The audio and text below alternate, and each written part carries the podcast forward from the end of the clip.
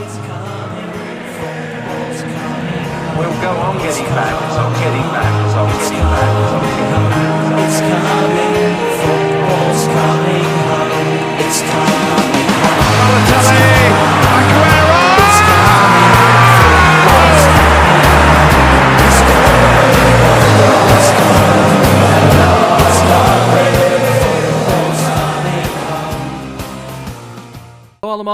welkom terug bij een nieuwe aflevering van Podcast Road. Uh, Deze keer opgenomen bij Laurens thuis. Laurens, bedankt voor je uitnodiging.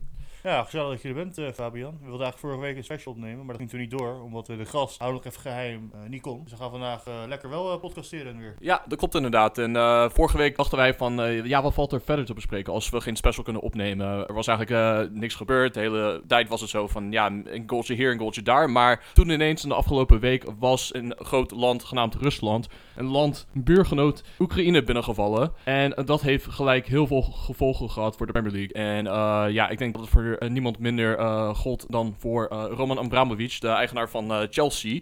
En daarnaast is ook een, een populaire trainer ontslagen en vervangen met een opvolger. Dus ik denk dat we dan gelijk kunnen aftrappen met, ja, misschien wel de derde wereldoorlog. Ja, wat denk jij over de situatie, Laurens? Eh, ja, de situatie is enorm eh, bizar. Natuurlijk, voetbal is de grootste bijzaak eh, van het leven. Naast de voetbal, naast ja, wat er nu gebeurt, weet je. Ik ben er zelf best wel geschrokken van eigenlijk. We, dus we nemen op zondag op. Natuurlijk net het nieuws over die nucleaire oorlog. Echt toch naar de koude oorlog. En ik hoop dat het alleen bij dreigen blijft. Want ja, ik ben gewoon echt heel boos, serieus, over de situatie van, ja, van, van Poetin, weet je. Gewoon echt boos op hoe ja, gewoon heel die wereldorde wordt veranderd. En dat we gewoon niet meer teruggaan naar hoe het was, zeg maar, denk ik. En we gewoon met heel veel spanning gaan leven totdat Poetin weggaat. Of ja, op een ergere manier het afloopt, waar ik zelf natuurlijk niet hoop. En eh, jij? Ja, nou kijk, meestal met dit soort dingen probeer ik het vanuit het perspectief van de, dus van de misdadiger, of de aggressor in dit geval, te bekijken. En eh, vanuit zijn perspectief, hij beweert dat het zo is van, eh, ja, eh, Oekraïne hoorde vroeger bij de VSSR, ze willen zich aansluiten bij NAVO en dat is, ja, een, dat zien wij als een aanval op veiligheid van Rusland. Maar ja, je, je, kan het heus gewoon aan veel Oekraïners vragen of zij dan ooit de behoefte hadden om dan iets tegen Rusland te doen. En nou ja, dat is niet iets dat bestaat. Ik denk dat heel veel mensen ook heel veel gelijkenissen trekken tussen hem en, en Hitler, die dat eh, dan ook had. Eh, toen hij eh, ja, ervoor zorgde dat Oostenrijk zich aansloot bij, bij Duitsland, dat hij dan dacht van ik word wel omsingeld door vijanden. En door communisten kapitalisme, kapitalisten. Dus dat is een beetje, denk ik, waar Poetin ook mee zit. En ik denk gewoon voor mensen die zoveel macht hebben voor zo'n lange tijd zoals hij heeft. Hij heeft eh 20 jaar geleden, of 22 jaar geleden bij Bill Clinton, die president was toen de tijd, aangegeven dat hij zich wel aansluiten bij NAVO. En dat werd toen afgekeurd. En in de loop der tijd is hij eigenlijk alleen maar extremer de andere kant op gegaan. Dus ik denk dat dit ook een goed teken is voor niet te veel macht voor een te lange tijd. Want dan krijg je dan zo'n uitkomst daarvan. En ik vind het daarom ook niet makkelijk te bevatten. Nee, precies. Ja, weet je, we kunnen een hele podcast overvullen. Maar we gaan denk maar toch naar eh, ja, de grootste bijzaak van het leven nu dan. En dat is eh, de Premier League. Want ja, er zijn ook eh, spelers uit Oekraïne zijn natuurlijk actief in de, in de Premier League. Dat was ook een mooi shot bij Match of the Day. Bij City tegen, tegen Everton. Dat eh, Mikolenko en Zichenko allebei met elkaar in gesprek waren aan de zijlijn. Ja, en Zinchenko eh, moest vechten ja, om niet te huilen op het veld. Je zag echt dat hij struggelde ermee. Gewoon omdat het hem zo hard heeft geraakt en diep heeft geraakt. Ja, hij is ook heel, eh, hij is ook heel eh, ja, mondig erover op eh, social media. Ehm, ja, en aan de Russische kant, een andere speler die niet in de Premier League zat, Fedor Smolov, heeft ook heeft gesproken over de oorlog. En voor de rest is het angstvallig stil omtrent spelers. Ja, dat is ook een beetje het mediamacht van, ja, van Rusland. Dat ook iemand die zich ooit in een hoge positie had betreden in, in de Russische overheid, had zich ook uitgesproken over Poetin. In een negatieve zin. En die werd gelijk ook niet meer teruggevonden. Dus de consequenties eh, zijn enorm. En ik denk dus dat ook heel veel spelers daar angstig voor zijn. Maar het feit dat eh, één speler dat wel heeft gedaan, daar heb ik oprecht heel veel respect voor. Want het toont ook wel aan dat er ook een menselijke kant is van de, van de Russen. Want heel veel Russen zijn het er natuurlijk niet mee eens. Ja, ja helemaal eens. Ehm, ja, weet je, ik had misschien gehoopt dat misschien spelers als Arshavin of een, eh hoe heet ook weer die bij AS, AS Monaco speelt. eh Oh, die, Golovin. Golovin zich volgens mij meer zouden uitspreken hierover. Maar ja, wat jij, het is een hele gevoelige politieke situatie. Ik heb zelf ook een vriendin die uit Rusland komt.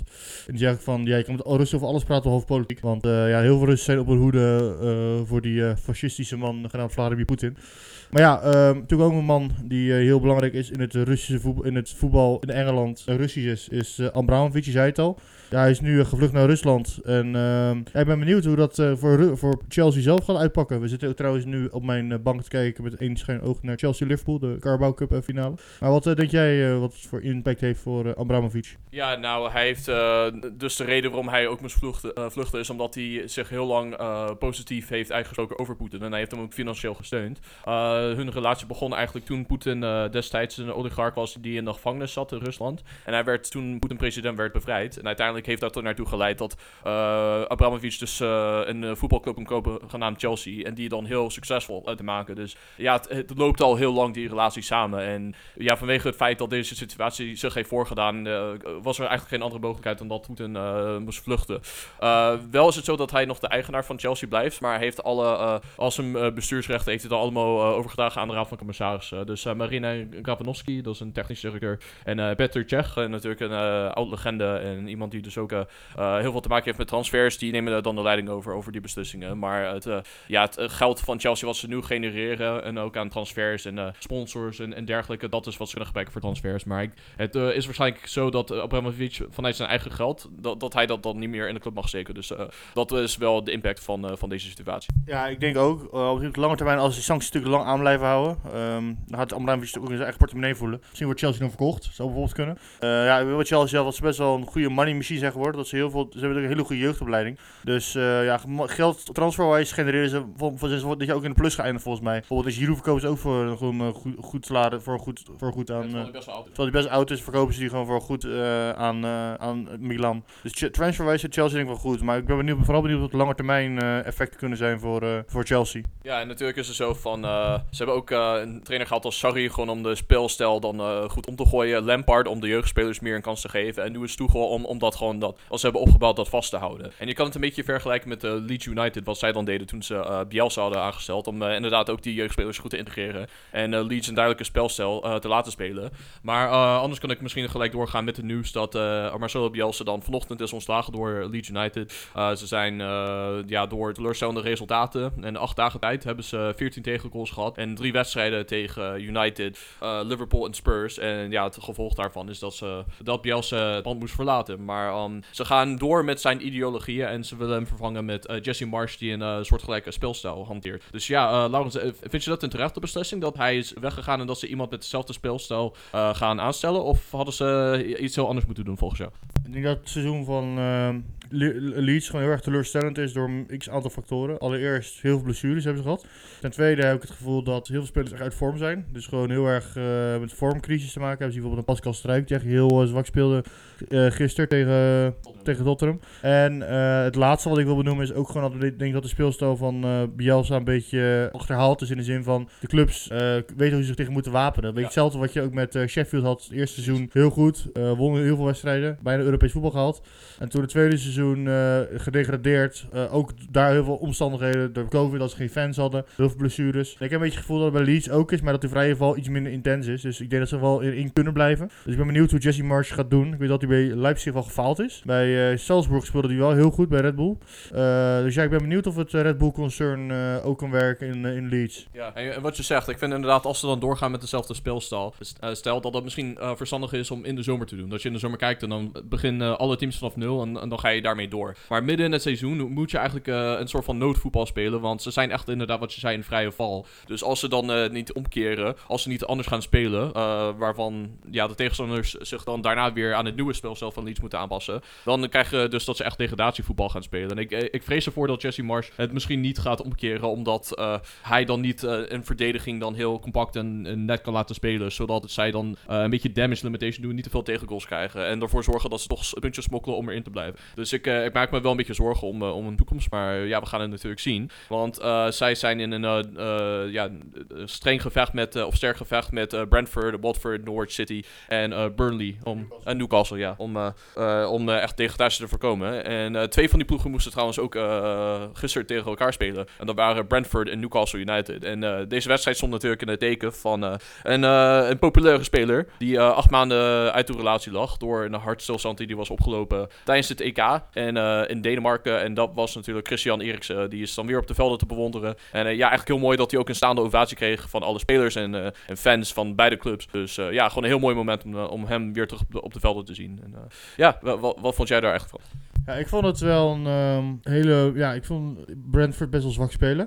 En ja, Erik, Eriksen, ja, ik vind het heel mooi dat het verhaal dat hij terug kan komen, weet je. Ik neem aan dat de cardiologen gewoon zeggen dat het een groen licht heeft, dus dat het allemaal prima zit. Jammer dat hij bij Inter inderdaad niet mocht spelen vanwege de regels met de pacemaker. Dat is wel erg jammer. Ehm, maar ja, ik denk dat Brentford wel een leuke club voor hem is. Er zitten heel veel Denen zitten er ook volgens mij spelen er. Ja, de trainer is Deens, Thomas Frank. Ja, dus het is gewoon, ik denk voor hem gewoon ook lekker daar een beetje af te bouwen. Want ik denk, ja, het is su- super wat, dat hij echt was.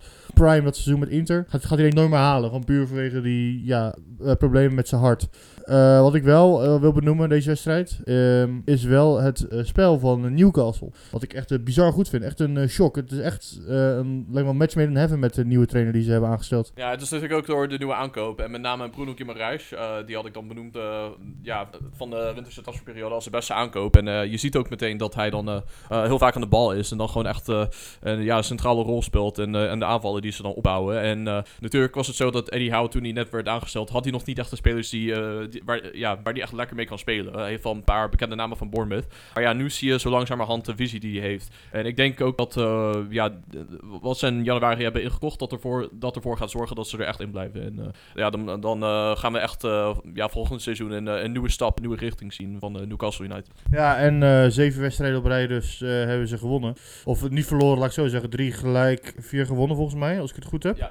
Ja. ook opvallend, hij heeft Jolinton, laat hij goed voetballen, heeft gewoon twee doelp de tweede doelpunt gemaakt seizoen. Weer tegen Brentford. Jolinton's favoriete club is dus Brentford, zo, zoals, we kunnen, als we kunnen, als we kunnen zien. En gewoon als middenvelder, opvallend dat dat, dat het goed werkt. Dus ja, ik vind het wel uh, erg leuk. En ik, vind ook, ik ben wel benieuwd hoe dat project in Newcastle gaat, uh, eruit gaat zien uiteindelijk. Ja, ja, we moeten natuurlijk uh, op een lange termijn wachten. Dus voor een uh, visie voor, voor echt de toekomst. Maar ik, ja, de eerste signalen ja, zien er goed uit. Dus ik ben benieuwd of ze dan gaan doorpakken volgend seizoen. En ja, nu zitten we naar de bekerfinale te kijken. We zien dat Aspilicueta is gewisseld met Reece James. Maar we zagen ook onze grote vriend Hakim Ziyech in de tribunes zitten. Die is helaas te geblesseerd om mee te doen. Maar wat hij wel is tijdens deze aflevering is dat hij voor de tweede keer op rij wordt bekroond met de prijs Tata van de Maand. Hij was de Tata van februari omdat hij drie keer achter elkaar scoorde en ja, eigenlijk gewoon zijn goede vorm doorzette voor zijn ja, eigenlijk onhandige blessure op, net op een verkeerde moment. Maar toch heeft hij het goed gedaan, dus gefeliciteerd Hakim, jij bent de Tata van de maand februari. Wil ik wel een honorable mention voor nummer 2 geven. Het zat niet in het draaiboek. Maar uh, Wout Weghorst. Die ook heel uh, sterk aan het spelen bij Burnley. En echt uh, voor, waarde is bij een club wat heel, wat heel niet, goed, niet goed draait. Dus ik vind dat Wout Weghorst ook wel een honorable mention is. En ik denk dat hij binnenkort wel, ja, voor waarde kan zijn. Misschien Burnley erin kan, kan houden. Ja, dat zeker. Je ziet ook wel dat hij echt meer invloed heeft. Ja, de reden... Ik, ik zat er ook aan te denken om Weghorst aan te stellen. Maar de reden waarom ik dat niet deed is omdat ik vond dat hij misschien in net te weinig wedstrijden goed was. Echt misschien twee wedstrijden. En de andere twee dat hij dan niet, niet zo opviel. Maar ik durf bijna zeker te weten dat hij dan wel voor het einde van een seizoen wel, een keer de data van de maand zal worden. Dus uh, voor jullie uh, Weghorst, uh, van Naten, wees gerust. hij zal heus wel zijn kans krijgen om data van de maand te worden. En dan kunnen we misschien gelijk doorpakken met een andere wereldspits. Nou ja, ik zou niet zeggen dat Weghorst een wereldspits is, maar een andere boomlange spits die in lange tijd heel slecht in vorm was. Maar ja, die lijkt weer zijn oude vorm terug te hebben gevonden. En dat is natuurlijk niemand minder dan Harry Kane. Die was natuurlijk voor een tijdje niet heel stabiel, niet heel sterk. Maar ja, hij heeft nu uh, met een ja, eigenlijk ijzersterke uh, prestatie tegen Manchester City uit. Heeft hij uh, twee keer gescoord en één keer een goal gecreëerd. En dan was hij dan twee wedstrijden daarna tegen Leeds United ook ijzersterk. Had hij een mooie volley zoals Robin van, Pers van Persie ooit tegen Everton scoorde. Zo een bal die uit de lucht, die de hele tijd in de lucht bleef hangen. Had hij zo met zijn linker zo erin gevolleyed. En dan daarna echt een mooie steekbaas op, op Hungminson. Om ervoor te zorgen dat zowel hij als Hungminson nu de meest scorende duo's zijn uit de hele geschiedenis van de Premier League. Dus uh, Harry Kane is volledig back. En uh, ja, uh, de vraag is natuurlijk, wat vorige zomer ook speelde, is hij zo goed aan het spelen dat hij niet meer houdbaar is voor Tottenham? Nou, ik denk het gevoel dat bij Harry Kane nu is van, hij was ook heel, heel goed in Pochettino, toen ging hij weg, toen wilde hij ook weg. Ik denk dat hij als Conte, als speler, dat Conte wel spelers kan ook laten behouden voor jou als uh, team. En ik denk dat Harry Kane uh, onder Conte, als hij een goede visie heeft, dat Conte denk ik wel goed uitdraagt, dat hij wel gaat blijven. En als er nog een paar goede versterkingen komen, denk ik echt dat, hij, dat Tottenham volgend jaar title contender kan zijn. Met die Kulezeski en Bentancur hebben ze echt hele goede versterkingen gehad.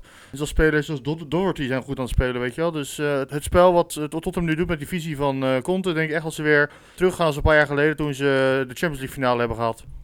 Ja, ja, nou, het zou zomaar kunnen dat zij dan dat niveau weer halen. Maar uh, natuurlijk moet je ook naar de meest recente uitslagen kijken. Ze hebben dan, uh, ondanks het feit dat ze van Manchester City hebben gewonnen en van en, Leeds hebben afgedroogd, hebben ze ook tussendoor van Burnley verloren en daarvoor van Wolves en van Southampton. Dus die consistentie moet er nog een beetje inkomen. Maar wat je zei, als Conte meer spelers kan halen die dan ja, gewoon ervoor kunnen zorgen dat hij zijn visie precies zo kan uitwerken zoals hij voor ogen heeft, dan zou dat best zo kunnen zijn. Maar ik vond het ook leuk dat je Pochettino noemde, want ja, het is natuurlijk zo dat Ralf Rangnick in de zomer dan weggaat bij Manchester United en dat ze een nieuwe trainer gaan aanstellen. En Pochettino lijkt dan weg te gaan bij Paris Saint-Germain, dus dan zou hij naar United kunnen gaan. En United hebben een nieuwe spits nodig. Nu dat Greenwood natuurlijk uh, niet meer een kans zal krijgen om zijn carrière weer op te pakken. Ronaldo lijkt uh, heel erg op de retour te zijn, dus uh, dan is dat misschien ook een mogelijkheid. dus hoe realistisch acht je de kans dat Kane misschien toch naar United gaat van de zomer? Ik denk niet dat hij nu United gaat, eerder naar City, want die hebben meer het, fin het financiën ervoor. Ja, City, moet ik wel even tussendoor zeggen, die hebben natuurlijk afgelopen winter, dus in januari hebben zij uh, Julian Alvarez gekocht, een spits van uh,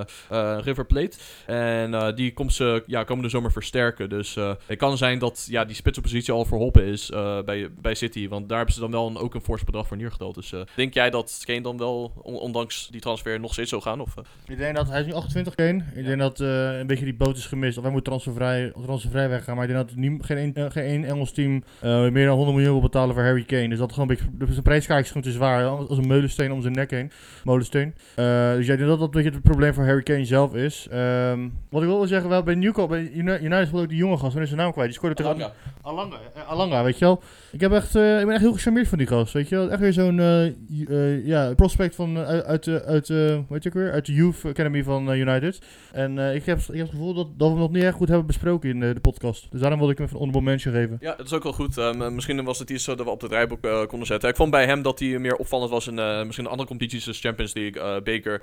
Uh, maar uh, ja, wat je zegt, dit lijkt dan wel een opvolger of vervanger te kunnen zijn voor, voor Greenwood. Die dan ook gewoon op beide flanken kan spelen. Volgens mij kan hij ook eventueel in de spits. Maar echt de flank is waar hij zich meer thuis voelt. Ik zou misschien wel met Alanga dan kijken of hij dan niet misschien uh, terwijl we zitten kijken, wordt de bal net van de lijn gehaald. op een schot van Mohamed Salah. Hij wordt van de lijn gehaald door Thiago Silva, zoals hij al vaker deed. Dus uh, ook wel leuk om een beetje live commentary te geven.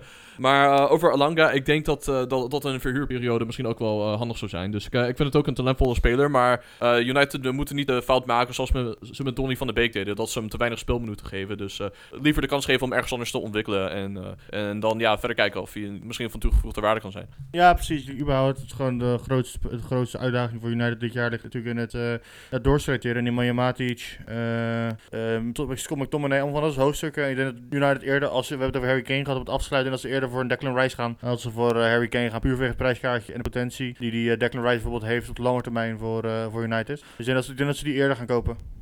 En je zei net al uh, Kulusevski en Bentancur dat je die allebei een goede versterking hebt. Maar Kulusevski is dat misschien wel de speler uh, die de beste aankoop is tot nu toe. Van alle aankopen die we hebben gezien in januari. Uh, vind jij dat? Of heb je eigenlijk een andere speler? Oh, sorry. Um, ik vind Gamaraj van Newcastle, die gewoon zoveel rust op het middenveld laat zorgen. Die zorgen dat andere spelers, zoals in Shelby, gewoon beter, beter spelen bij Newcastle. Echt een beetje zo'n motor op het middenveld die gewoon echt zorgt dat ze die, zeven, die, die winnen, die streak van zeven hebben kunnen zetten, denk ik. En ook die gaat verlengen. Um, en Digne vind ik ook een hele opvallende, leuke, leuke transfer wel uh, van, uh, van dit seizoen. Met, uh, naar Aston Villa. Aston Villa ook met Coutinho ook een hele leuke... Ik denk dat, ja, we hebben vorige ook al gehad, dat Newcastle of Aston Villa de beste transfers hebben gedaan. Ja, ik vind zelf, denk ik, en ik was ook wel fan van hem voordat hij naar Tottenham ging, maar Kulusevski vind ik echt een ijzersterke aankoop en ik vind ook dat hij het heel goed doet. want vergeleken met bijvoorbeeld een, Bruno Guimaraes, Luca Digne, Coutinho, dit is een speler die nog maar 21 is. Hè? Dus hij is nog piepjong. En je zag hoe lang het duurde voor Bergwijn. Ja, die had dan wel dat hij goed speelde in zijn eerste wedstrijd. Maar die was dan een lange tijd dan ook niet heel sterk. En echt heel veel van die jonge aankopen, zoals Sessignon, die Tottenham hebben gedaan, eh, die hebben gewoon niet echt uh, meteen een indruk gemaakt. Maar uh, Kulusevski lijkt het meteen te hebben gevonden. En dat vind ik knap, dat hij het zo snel heeft laten zien. Dus ik zou zeggen dat hij dan de beste aankoop is tot nu, toe. Maar dat kan natuurlijk veranderen. Ja, ik ben het wel met je eens. Ik weet nog dat ik hem zag spelen op het EK bij Zweden. Vond ik hem ook heel sterk met leidend in dat de Zweedse elftal. Ik vind hem gewoon een leuk speler. Ik snap wel dat Juventus maakje te groot is. Denk dat hij heel goed kan doorgroeien bij Spurs en, eh, inderdaad naar een hoger niveau kan, eh, kan brengen. En maar Bentancur is ook een hele, echt zo'n counterspeler, zo'n box-to-box. Beter dan Ndombele. Dus eh, ik vind het inderdaad, wel een leuke aankoop. En echt van die, counter, van die counterspelers. Dus ik ben benieuwd hoe dat, gaat, hoe dat gaat, eindigen. Maar ook Everton, het volgende punt, is een bruggetje die ik ga maken nu. Hebben ook leuke aankopen aan. Deli Alli doet het best wel goed daar. En Donny van der Beek ook. En naar mijn mening hadden ze, vorige hadden ze gisteren ook wel meer verdiend dan, dan vandaag. Eh, dan, dan, dan verliezen tegen City. Ja, sorry, ik word eh, is een goal gemaakt door Matip. Een mooie kopgoal een- uit een vrije trap. Dus er staat nu eh, 1-0 voor, eh, voor Liverpool eh, Wembley. Oh, zo, kijk, die eh sports gaan echt helemaal uit hun dak. Je ziet de camera zo helemaal trillen en eh, ja, het is wel, eh, wel een hele happening, eh, denk ik. Ook wel mooi dat het kan na COVID. En dan, dit zijn de momenten waar, ja, waarvoor je echt gewoon naar een voetbalwedstrijd eh, kijkt, om, om dit dan allemaal zo te zien. En eh, of het nou dan eh, Liverpool of Chelsea is, gewoon mooi om te zien dat het weer allemaal mogelijk is. En, eh, maar om, eh, eh, om even in te gaan op wat je zei over Tottenham, ja, het is, eh, ja, het is gewoon wel zo dat je het gevoel hebt dat er meer eh, toekomstperspectief is dan voor een lange tijd onder eh, Mourinho eh, tegen het einde. En onder Nuno dacht je echt van, het, ja, het is gewoon helemaal uitgeblust. Maar voor Spurs supporters kunnen ze zeker veel vertrouwen eruit halen dat, dat ze gewoon de goede kant op lijken te gaan. En wie weet waar het allemaal zal eindigen. Ja, precies. En ik wil het even over Everton hebben. Wat, wat, wat, vind jij van de laatste wedstrijden onder Lampert? Ehm, nou ja, over. Ja, ik was een beetje. Je, je benoemde naar Everton net al. Ik was door dat doelpunt een beetje afgeleid. over, je, over je bruggetje. Maar ik, eh, ja, over Everton vind ik. eh, van de Beek, daar wil ik eh, trouwens nog even op inhaken. Tegen Manchester City zag ik hem in de 16 van, van City staan. Maar ook in zijn eigen 16. Hij bleef maar heen en weer, heen en weer, heen en weer rennen. En dat heeft er naartoe geleid dat hij na 60, 65 minuten een spierblessure had. En toen moest hij het spel verlaten. Dus je ziet ook dat, hij, dat Lampard wil dat hij echt box-to-box gaat spelen. Dat hij echt overal op het veld aanwezig is. En hij deed het gewoon echt uitstekend. Het is gewoon echt jammer dat hij die blessure was opgelopen. Want eigenlijk vond ik dat als dat niet was gebeurd, dat ze misschien wel hadden kunnen winnen.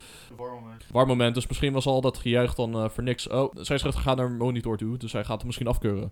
Eh, stay tuned, dan gaan we dat even ook eh, meegeven aan jullie. Maar ehm, ja, de, een, warm moment, ook wel grappig dat dit gebeurt. Want in die wedstrijd waar, waar we net over hadden, Everton tegen City, had je natuurlijk ook een warm moment met een hensbal van Rodri. En ja, volgens mij was dat gewoon een overduidelijke hensbal. Het leek een beetje op die van Sissoko de Champions League finale tegen Liverpool. Maar in tegenstelling tot die wedstrijd werd deze penalty niet gegeven. En eh, ja, Frank Lampard had na de wedstrijd dan een eh, betoog van twee of drie minuten gehouden. Waarin hij zei van ja, ik kan me echt niet voorstellen dat dit eh, gewoon een bewuste keuze is die, die juist is. En ja, dat, ja, dat, dat hij gewoon onbegrijpelijk vond dat hij niet werd gegeven. Dus dan denk je wel meteen gewoon weer aan matchfixing. En natuurlijk heb je VAR-momenten die soms goed kunnen uitpakken en slecht kunnen uitpakken. En in dit geval is het doelpunt van Joel Matip afgekeurd. Dus het staat nog steeds 0-0.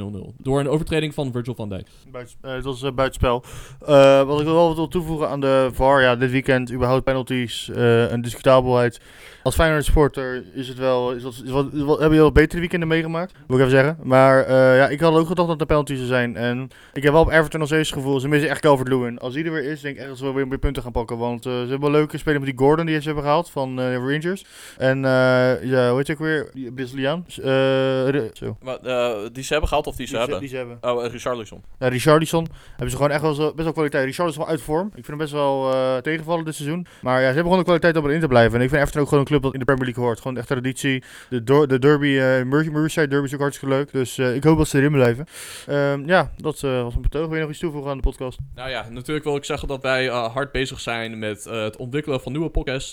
Wij benoemden het net al bij de vorige aflevering. we hebben eentje opgestart, die heet Dosti Knows It All. Met Dosti van ex-FC Afkikken, om het zo te zeggen. Maar wij gaan binnenkort ook een nieuwe podcast opstarten van eh, Tussen de Linies. eh, met... eh, Ja, met Tussenlinies is een, is een Twitterpagina, website. Wat meer op data, naar voetbal kijkt. Dus hopen ze wel een moneyball-principe te ontwikkelen met, op een podcast manier. Ja, en dan gaan we natuurlijk kijken hoe dit voor me dan uitpakt.